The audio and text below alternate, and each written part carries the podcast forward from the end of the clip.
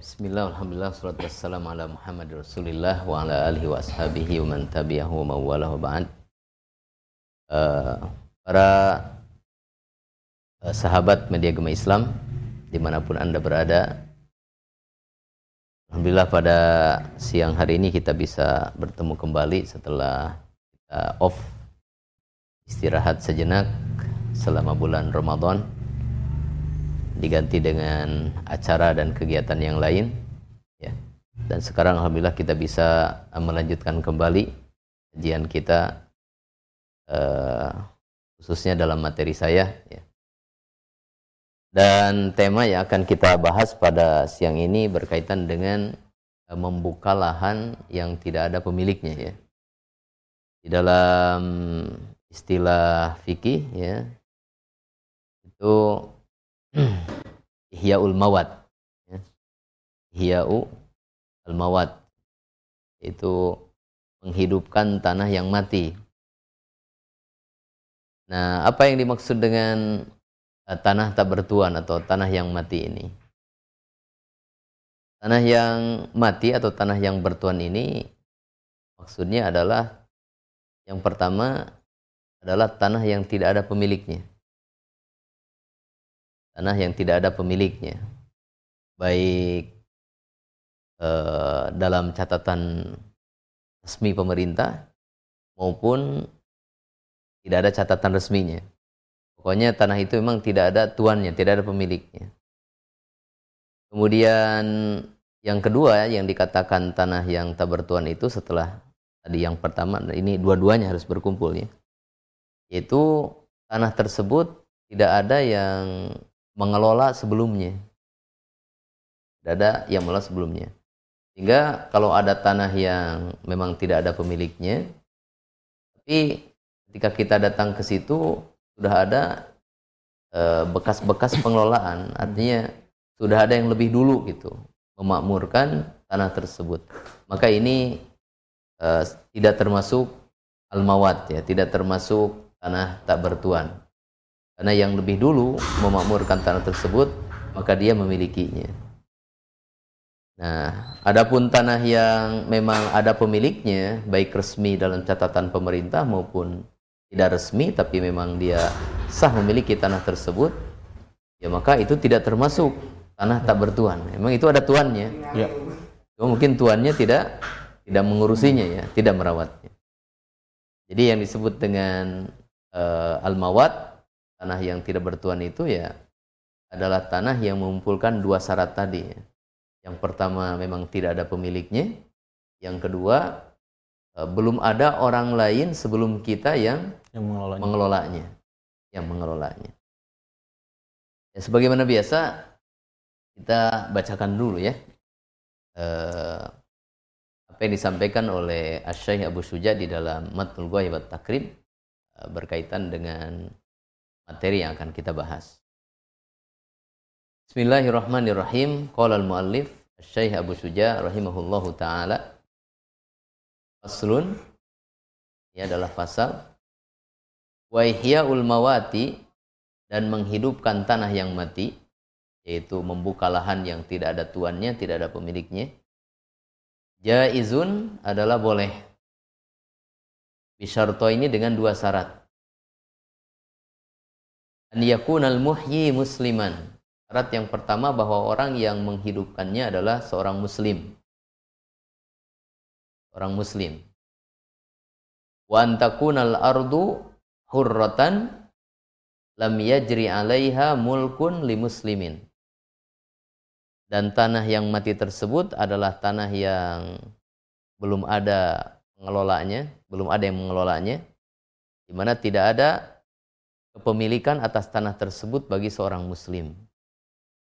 Jadi di sini dijelaskan boleh kita menghidupkan tanah yang mati, membuka lahan dari tanah yang tidak bertuan, itu dibolehkan dan nantinya akan menjadi milik kita. Ya. Itu dengan dua syarat. Pertama, bahwa kitanya muslim. Sehingga dengan demikian kalau yang menghidupkannya adalah orang kafir, maka dia tidak memilikinya. Kemudian yang kedua, bahwa tanah tersebut memang adalah tanah yang terbengkalai ya. Belum ada yang mengelolanya. Ya. Belum ada yang mengelolanya dan tidak ada pemiliknya yaitu pemilik yang muslim. Nah, berkaitan dengan uh, bahwa orang yang menghidupkan tanah yang mati maka itu boleh dan dia akan menjadi pemiliknya. Ini berdasarkan hadis Nabi sallallahu alaihi wasallam man ahya ardon mayyitatan fahiya lahu. Barang siapa yang menghidupkan yang memakmurkan mengelola tanah yang mati tadi yang sudah kita sebutkan maka dia tanah tersebut menjadi miliknya menjadi miliknya dan memang tanah adalah uh, runia dari Allah Ta'ala. Maka tanah yang memang itu uh, berpotensi ya untuk dimanfaatkan manusia, maka sudah semestinya kita memanfaatkannya. Entah itu tanah milik kita, maka kita memiliki uh, keharusan untuk mengelolanya, jangan sampai itu menjadi tanah yang sia-sia. Ataupun tanah tersebut memang tidak ada pemiliknya dan belum pernah ada orang yang mengelolanya. Ya, maka e, menghidupkannya itu dibolehkan bahkan mustahab yaitu di, disunnahkan. Nah selanjutnya mengenai syarat tadi ya kalau kita lihat di dalam uh, kitab ini syaratnya pertama bahwa orang yang menghidupkan tanah mati tersebut adalah seorang muslim. Sehingga kalau dia kafir atau dia itu uh, kafir dhimmi ya yaitu kafir yang tunduk kepada pemerintahan kaum muslimin di negeri kaum muslimin ya. Maka kalaupun dia mengelola atau menghidupkan tanah mati dia tidak memilikinya. Ini syarat yang ada dalam madhab syafi'iyah ya. Adapun dalam madhab jumhur itu tidak menjadi syarat ya. Dalam madhab jumhur ya orang kafir maupun uh, kafir harbi maupun kafir dhimmi ya maka dia uh, bisa memiliki kalau seandainya dia menghidupkan tanah mati. Berdasarkan keumuman lafad hadis tadi man ahya ardon maitatan. Siapa yang menghidupkan tanah yang mati. Hadis tersebut tidak membatasi bahwa yang menghidupkannya haruslah seorang muslim. Adapun dalam madhab syafi'iyah, kenapa disyaratkan bahwa dia bisa memiliki kalau seandainya dia adalah seorang muslim. Disyaratkan seorang muslim ya yang menghidupkannya untuk memilikinya. Itu berdasarkan beberapa riwayat ya di antaranya disebut dalam kitab Kifayatul Ahyar di sini. Hadis e, mautanul ardi lillahi wali rasulihi lakum minni. Tanah yang mati itu milik Allah dan rasulnya Kemudian itu untuk kalian dariku. Ya. Nah, di sini ada kata-kata untuk kalian. Kalian di sini maksudnya kaum muslimin. Ya. Kemudian dalam uh, hadis yang lain, lakum minni ayyuhal muslimun. Tanah mati tersebut adalah untuk kalian dariku, wahai kaum muslimin. Tapi memang riwayat-riwayat ini ya oleh uh, kebanyakan para ulama ini di dilemahkan ya. Riwayat-riwayatnya, hadis-hadisnya ini di, dilemahkan. Sehingga menurut jumhur ulama, ya walaupun dia bukan muslim, kalau dia memang menghidupkan tanah mati, walaupun itu di negeri kaum muslimin, ya dia tetap bisa memilikinya. Ini menurut mayoritas ulama. Adapun menurut uh, madhab yang ketiga, yaitu madhab Hanabilah, apabila orang kafir, maksudnya kafir dhimmi ya, Irdimi menghidupkan tanah yang mati di negeri kaum muslimin, maka dia memiliki hak untuk mengelolanya, tapi tidak memilikinya. Jadi kalau kita simpulkan jadi tiga ya. Ada tiga pendapat. Pertama, pendapat pertama pendapat syafi'inya, dia harus seorang muslim.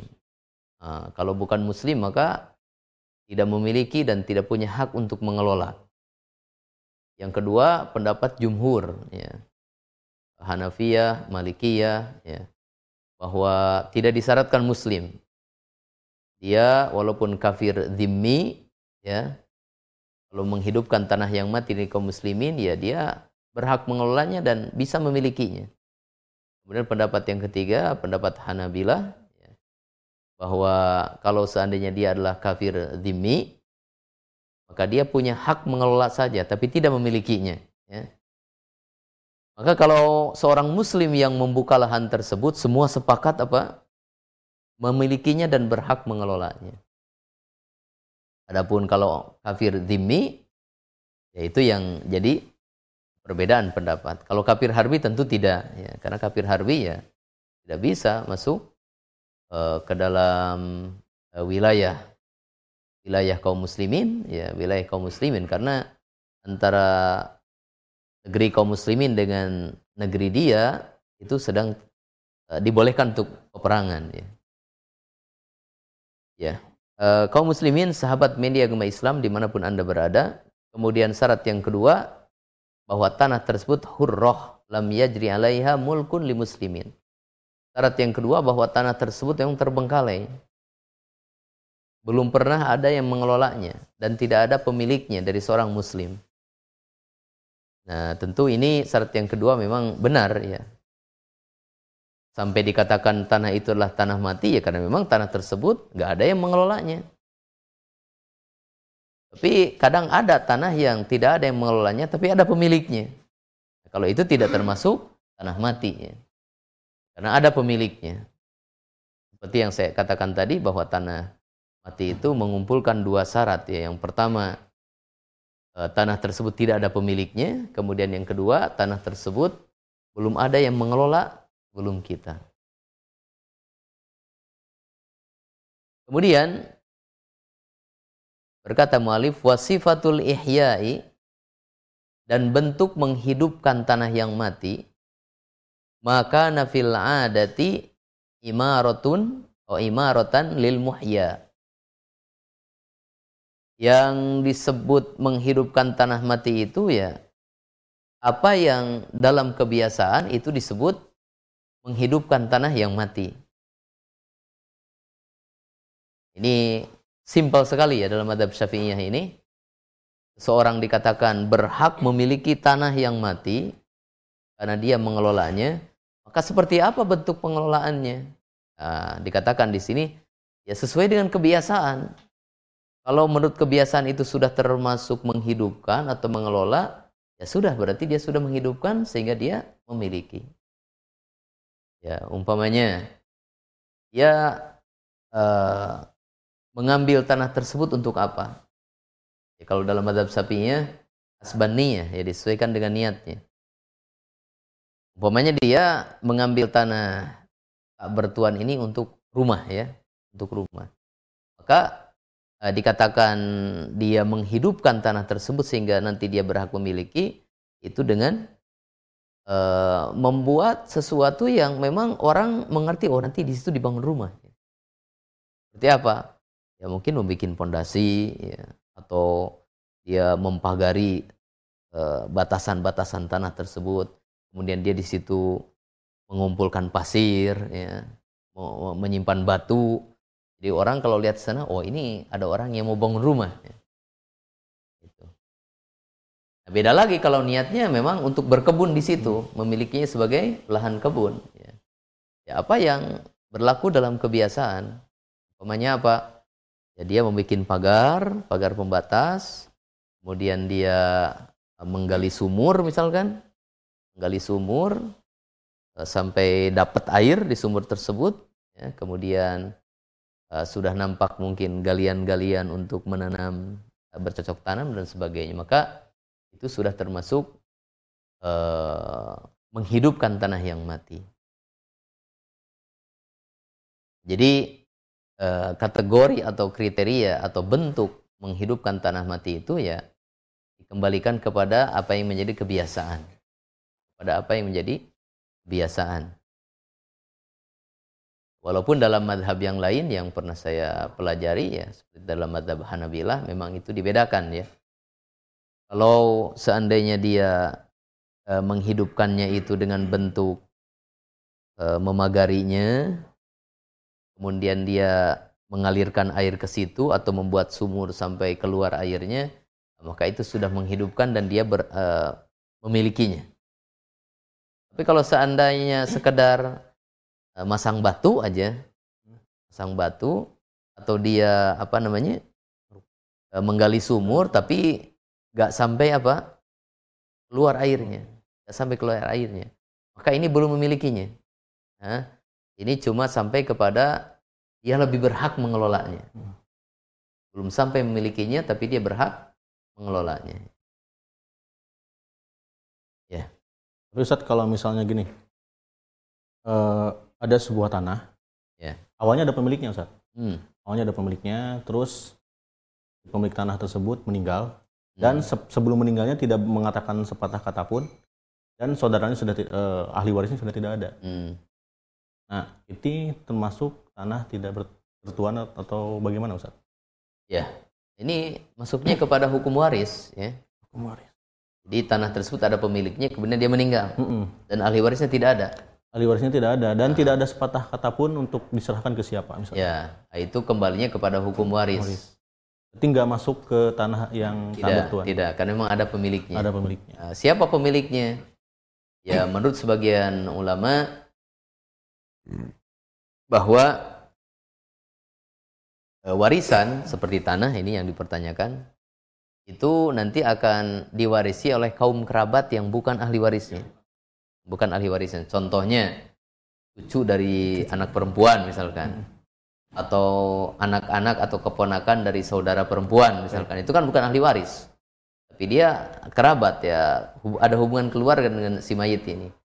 Maka ketika tidak ada ahli waris, warisan pindah kepada mereka. Ada juga sebagian ulama berpendapat bahwa tidak pindah kepada kaum kerabat yang bukan ahli waris, tapi itu nanti masuknya ke kas negara, baitul mal ya.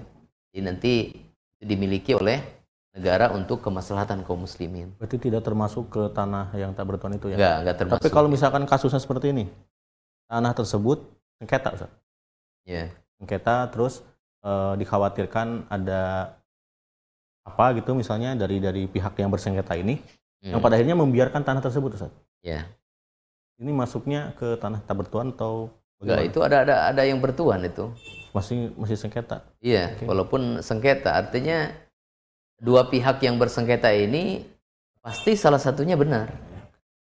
Salah Meskipun benar. dibiarkan, udahlah. Ya. Itu. Salah satunya benar yang jadi pemiliknya. Nah, nanti yang menyelesaikan persengketaan ya pemerintah. Pokoknya kalau memang ada pemiliknya baik nggak ada sengketa hmm. maupun terjadi sengketa ya itu tidak termasuk al-mawat di sini karena al-mawat tadi ya memang hmm. tidak ada pemiliknya. Tidak ada benar-benar tidak, tidak. ada pemiliknya. Betul tidak ada pemiliknya. Tidak ada pemilik ya. Kemudian berkaitan dengan ihya mawat ini juga ya. Masalah air di sini disambungkan dengan masalah air, air. Nah, iya.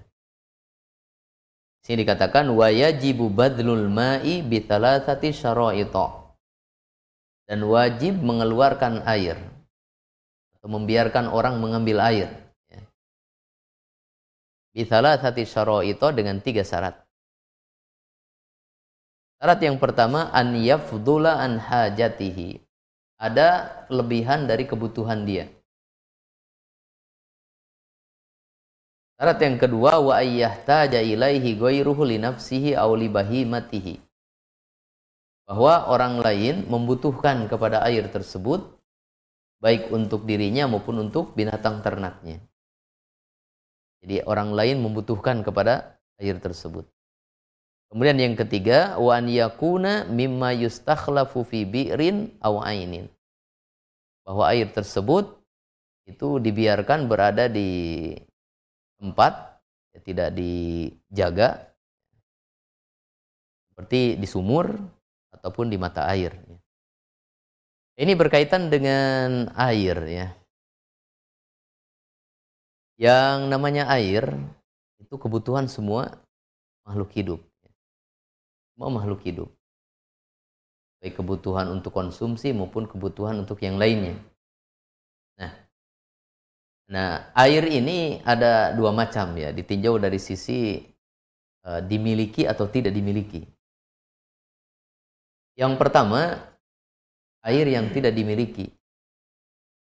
Sehingga dalam air tersebut ya semua orang berhak mengambilnya tanpa ada pembedaan. Itu air-air yang ada di sungai, air hujan, ya kan kalau hujan turun tidak ada yang mengklaim ini air hujan buat saya okay, gitu. Iya. Misalkan di sungai mana kalau di Tasik sungai Tanduy ya, daerah Bandung sekitarnya sungai, sungai Citarum, nggak ada yang mengklaim ini air sungai milik saya kan gitu. Nah, ini semua orang bebas mengambilnya. semua orang bebas mengambilnya. Atau air-air yang dia apa namanya tergenang di cekungan-cekungan tanah yang ada di hutan dan sebagainya. Nah, itu tidak ada pemiliknya. Semua orang boleh mengambilnya tanpa mesti minta izin kepada orang terdekat di situ karena memang tidak ada pemilik. Nah, yang kedua, air yang itu berada di e, lokasi yang dimiliki oleh seseorang. Namanya air yang ada di kebun, ya. air yang ada di halaman rumah misalkan. Itu kan tanahnya ada pemiliknya. Tanahnya ada pemilik, tempatnya ada pemilik. Nah, air yang berada di uh, lokasi milik seseorang itu pun ada dua macam ya. Yang pertama eh, air tersebut berada di apa namanya? di tempat yang dibuat oleh pemilik tanah tersebut. Seperti apa? Ya, seperti sumur ya. Seperti sumur. Nah, pemilik tanah menggali sumur sampai airnya keluar keluar air tersebut. Maka kalau memang air tersebut berada di tempat yang e, dibuat oleh dia, nah, apakah dia memiliki air tersebut? Ya, dalam madhab syafi'iyah memang ada dua pendapat ya, tetapi kebanyakan syafi'iyah dan ini kebanyakan e, ulama dari madhab yang lain itu mengatakan memilikinya. Karena itu ikut kepada pengelolaan tanah tersebut. Sumur itu milik dia, maka airnya pun menjadi milik dia. Kemudian yang kedua, tanah tersebut itu bukan berada di tempat yang memang dibuat oleh dia. Air tersebut ya, walaupun ada di tanah dia. Umpamanya apa? Ya. Di kebun di kebun kita misalkan ada eh, tanah yang apa namanya? Kata orang Sunda logak ya apa ya? Dengan tanah mungkin ya, tanahnya nggak rata. Ya. Ada yang turun, naik. Ya. Kemudian ketika hujan besar, di cekungan tanah tersebut lubang, berkumpul lubang. air ya. Berkumpul air. Itu kan bukan buatan kita itunya apa namanya? Cekungan tanahnya. Jadi air ya tertampung dari air hujan. Apakah si pemilik tanah, si pemilik kebun itu kemudian memiliki air tersebut? Ini wallahu taala alam tidak memilikinya. An-nasu syuraka'u Ya, Nabi mengatakan bahwa manusia itu bersekutu dalam memiliki tiga perkara ya. Al-ma'u wal kala'u wan nar. Air, rumput, dan kayu bakar. Ya, jadi air yang dimiliki itu adalah air yang berada di tempat yang memang dibuat oleh pemilik tanah sengaja untuk apa namanya untuk untuk uh, mendapatkan air di tempat tersebut seperti sumur. Ya, Nah, air-air yang tidak dimiliki, maka bebas orang mengambilnya. Orang bebas mengambilnya tanpa uh, perlu meminta izin kepada siapa pun. Nah, air yang dimiliki, maka karena ini ada pemiliknya, orang lain tidak boleh mengambilnya. Orang lain tidak boleh mengambilnya. Tidak boleh mengambilnya kecuali dengan izin pemiliknya. Nah, air yang dimiliki air yang dimiliki, maka si pemilik air tersebut berhak melarang orang lain untuk mengambil air tersebut. Ada orang datang, saya mau ngambil air, oh maaf, ini sumur milik saya, Bapak tidak boleh ngambil air di sumur ini. Nah, dia berhak. Kenapa? Karena memang itu milik dia. Itu secara asal. Tapi kemudian ya di kondisi tertentu dia tidak boleh melarang orang lain untuk mengambil hmm. air dari sumur yang dia miliki. Ya. Sumur yang dia miliki. Dari air yang dia miliki. Di sini dikatakan mu'alib, wayajibu badlul ma. Justru dalam kondisi tersebut, dia harus memberikannya kepada orang lain. Nah, kapan seseorang itu harus memberikan air yang dia miliki seperti dalam sumur tersebut kepada orang lain? Dikatakan dalam kitab ini, diharuskan itu apabila memenuhi tiga syarat. Yang pertama, an yafdula an hajatihi. Ada air tersisa dari kebutuhannya. Jadi si pemilik sumur sudah mengambil air untuk kebutuhan dia, ternyata masih ada sisa air di sumur tersebut. Kemudian ada orang membutuhkannya. Maka ini sudah uh, memenuhi syarat pertama. Hingga dipahami dari syarat pertama ini, kalau si pemilik sumur tersebut masih membutuhkan air, nah dia maka dia boleh mengambil air tersebut, walaupun itu sampai habis airnya.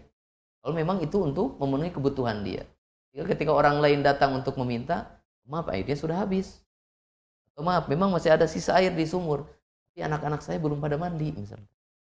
Ini masih membutuhkannya. Nah, kalau sudah beres terpenuhi, terpenuhi kebutuhannya, terus di sumurnya masih ada sisa air, ya silahkan.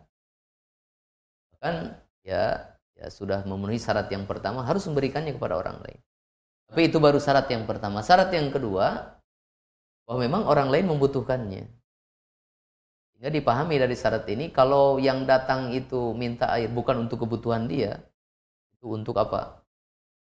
Dibuang-buang aja ya untuk jadi mainan main air aja maka itu tidak wajib untuk apa? Diberikan kepada dia. Karena air itu ya walaupun dalam keadaan banyak kita tidak boleh untuk berdir ya untuk menyanyiakan air. Sampai Nabi mengatakan ya bahwa yang namanya wudhu itu harus hemat airnya. Walaupun kita wudhunya di mana di sungai yang airnya banyak. Tetap kita hemat. Perlu tidak menyanyiakan air. Ini berkaitan dengan kebutuhan apabila yang datang itu memang membutuhkan air dan kita sudah terpenuhi kebutuhan kita, maka sudah terpenuhi syarat yang kedua. Wajib memberikan air kepada orang tersebut. Syarat yang ketiga, bahwa air tersebut memang berada di tempat yang uh, memang dimiliki ya, seperti sumur, atau mata air. Air biasanya orang gali tanah supaya dapat mata air. Nah, kalau seandainya apa namanya air tersebut adalah uh, bukan di tempat yang memang dibuat untuk mencari air seperti tadi cekungan tanah, nah ini mah tidak perlu minta, silahkan aja diambil. Dan dipahami dari syarat yang ketiga ini, beda kondisinya kalau airnya itu bukan di tempat yang dibiarkan begitu saja. Kalau sumur dengan mata air kan nggak dibawa ke mana-mana ya. Udah di, di situ aja tempat. Beda dengan air yang sudah dipindahkan ke wadah. Misalkan ditaruh di ember, atau ditaruh di toren ya. Kalau itu uh, apa namanya tidak wajib untuk memberikannya tidak wajib untuk memberikannya. Karena memang sudah ada usaha dia untuk apa? E, mengambil air tersebut. Rasulullah Shallallahu Alaihi Wasallam e, disebutkan dalam satu hadis nah Rasulullah Shallallahu Alaihi Wasallam an bai'i adlil ma. Rasulullah Shallallahu Alaihi Wasallam melarang dari menjual sisa air sisa air dari kebutuhan kita. Ini kalau kita punya kebutuhan air sudah terpenuhi kebutuhannya Kemudian tadi syarat yang berikutnya adalah orang datang memang butuh. Kemudian yang ketiga, bahwa air tersebut bukan berada di wadah yang sudah kita bawa wadahnya. Maka nggak boleh dijual. Seperti air di sumur tersebut. Tapi kalau sudah ada di wadah, umpamanya sekarang kan banyak ya, eh, apa namanya, air isi ulang kan, iya. sudah di galon, ya. atau perusahaan air minum sudah di botol dan sebagainya jika ada orang butuh, ya dia tidak wajib untuk memberinya. Dia boleh untuk apa? Menjualnya. Tapi kalau masih di sumur, masih di sumur dan terpenuhi syarat tadi bahwa dia sudah terpenuhi kebutuhan dan orang datang memang dia membutuhkan, tidak boleh menjualnya. Harus memberinya. Tapi kalau sudah dipindahkan ke bejana, ya, seperti di botol, di ember atau di toren, ya tidak wajib untuk apa? Memberikannya. Dan dia boleh untuk menjualnya. Boleh untuk menjualnya. Ya, wallahu taala alam. Ini